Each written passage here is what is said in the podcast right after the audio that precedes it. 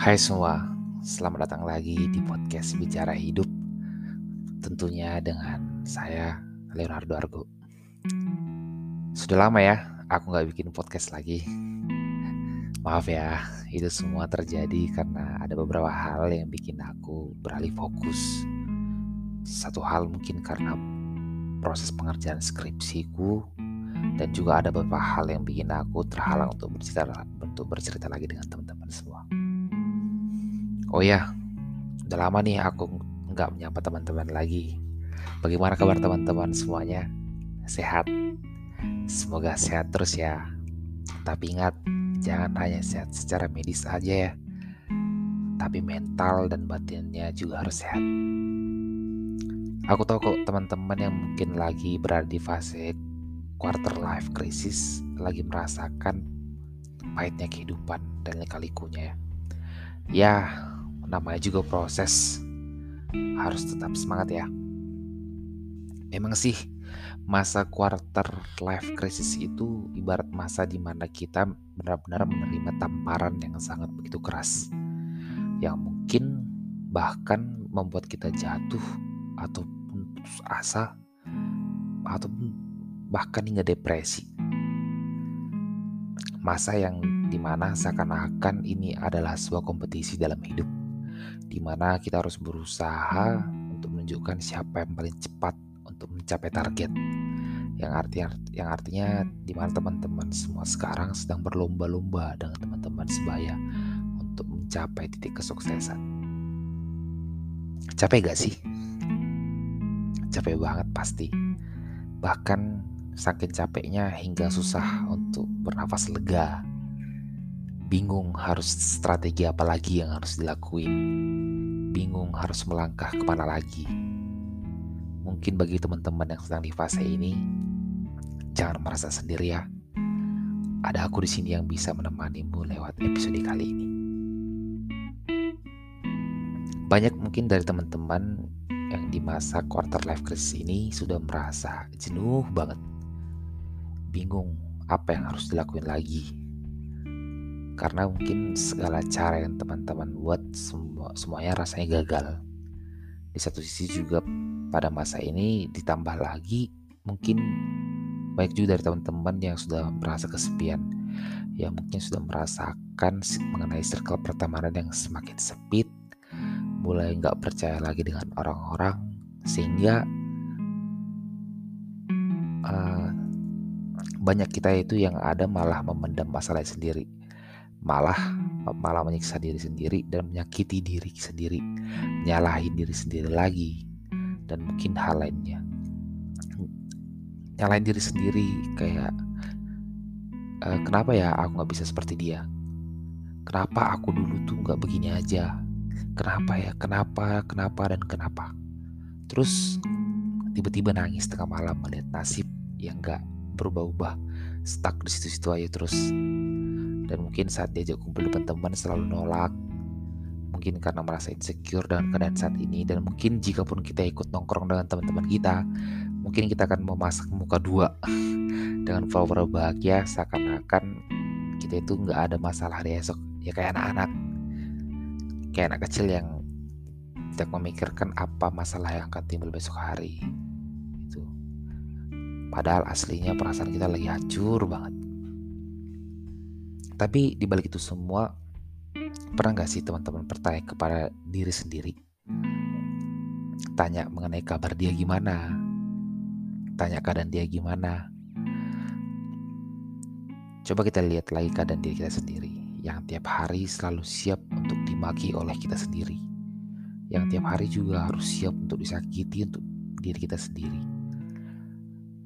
Namun, dia tetap kuatkan dan selalu menerima kita dan sel bahkan selalu menemani kita. Pernah nggak kita tahu gimana kondisinya saat ini? Kalau semisal dia bisa ngomong, mungkin dia bisa berteriak menjerit kesakitan akan apa yang kita lakukan ke dia. Semua orang di dunia ini tidak ada yang tidak ingin sukses. Bahkan tidak ada yang tidak ingin menjadi orang ternama. Semua orang pengen semua orang itu pengen dia itu jadi orang yang ternama, memiliki banyak uang, bisa membahagiakan diri sendiri dan terlebih membahagiakan orang tuanya. Semua orang pasti punya impian akan itu. Namun untuk mencapai semua itu butuh yang namanya proses. Proses yang datang kepada kita bukan suatu proses yang instan. Banyak pengorbanan dan rasa sakit yang akan kita alami di sana. Aku hanya mau bilang semuanya butuh proses. Dan dalam menjalani proses, jangan lupa untuk menyayangi diri kita sendiri ya. Aku yakin bagi teman-teman yang sedang berjuang, yang sekarang lagi berjuang mati-matian, nangis, bahkan sampai mengeluarkan darah, pasti nantinya akan berbuah manis. Segala tangis, luka yang sudah kita keluarkan pasti akan terbayar kok. Boleh untuk berdamai dengan diri sendiri. Minta maaf dengan diri kita sendiri. Maaf ya sudah membuatmu sakit. Maaf sudah memaki-makimu tiap hari. Maaf sudah memberi tekanan yang begitu keras untukmu. Dan terima kasih banyak ya sudah kuat untuk sampai saat ini. Aku janji, aku tidak akan menyakitimu lagi. Tidak perlu menjadikan semua hal menjadi ajang perlombaan di hidup teman-teman. Hidup itu bukan melihat siapa yang paling cepat sampai di target yang kita inginkan, tapi melihat siapa yang mampu bertahan dalam proses untuk mencapai target itu. Sifatnya itu linear kok teman-teman. Semakin banyak proses yang kita lalui, maka semakin banyak pelajaran yang akan kita dapat dan lewat itu kita semakin terbentuk menjadi pribadi yang lebih baik. Sama halnya dengan begini. Jika kita menempuh jarak sejauh kilo, sejauh satu kilometer, mungkin kita bisa menempuhnya sampai ke titik tersebut selama 10 menit. Yang tentunya untuk mencapai itu akan banyak sekali masalah yang muncul di diri teman-teman di mana teman-teman akan memaksa diri teman-teman sendiri dan tidak menikmati suasana yang terjadi selama teman-teman menjalaninya. Teman-teman tidak peduli dengan keadaan diri teman-teman sendiri selalu memaksakannya dan tidak tidak uh, peduli dengan lingkungan teman-teman, hanya fokus untuk mencapai diri sendiri. Tapi teman-teman dapat juga kok sampai ke titik itu dengan waktu satu jam sama-sama sampai kan yang membedakan waktu untuk sampai ke sana. Namun hal yang membedakan teman-teman akan lebih menikmati apa yang sedang apa yang sedang terjadi di sekitar teman-teman. Akan banyak pelajaran yang teman-teman temui untuk sampai di titik itu. Dan sesudah teman-teman sampai di titik tersebut, teman-teman sudah menjadi manusia yang sangat berkualitas akibat pengalaman akibat pengalaman-pengalaman yang terjadi tadi. Jadi, gak perlu buru-buru ya. Nikmatin segala prosesnya dan sayangi diri sendiri dalam menjalaninya. Belajar untuk menerima dirimu seadanya. Jangan pernah berpura-pura bahagia ataupun berpura-pura kuat di depan orang lain. Ya terima aja kalau kamu lagi capek. Terima aja kalau kamu lagi kecewa. Terima apa pun itu yang ada di diri sendiri, mau itu baik ataupun buruk. Kenali dirimu sendiri. Cari tahu apa kelebihan dan kekurangan yang ada yang ada di diri teman-teman.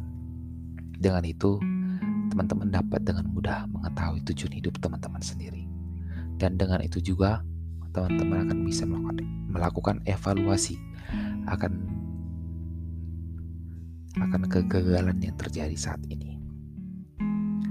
Satu hal yang paling penting ialah jangan pernah membandingkan dirimu dengan orang lain. Ini sebenarnya yang menjadi salah satu penyebab kita putus asa akan proses kita. Mulai aja untuk berpikir kalau semua semua orang itu ada prosesnya. Mungkin mereka dulu seperti aku juga, banyak luka dan duka yang dikeluarkan. Dan ini adalah giliranku untuk mencapai seperti mereka.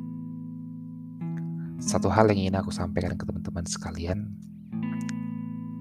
kalau hidup itu bukan tentang menemukan atau mendapatkan apa yang kamu inginkan, tapi mengenai cara untuk menghargai apa yang kamu alami saat ini dan tetap sabar untuk menunggu akan kebahagiaan yang kelak akan menghampiri teman-teman semuanya. Selamat berproses ya teman-teman semua. Tidak ada proses yang tidak dibarengi dengan rasa sakit. Tapi yakinlah, sakit itu akan sementara kok teman-teman. Dan setelah sakit itu selesai, bahagia akan kelak tinggal di, di diri teman-teman semua dan teman-teman juga akan merasakan kebahagiaan itu selamanya.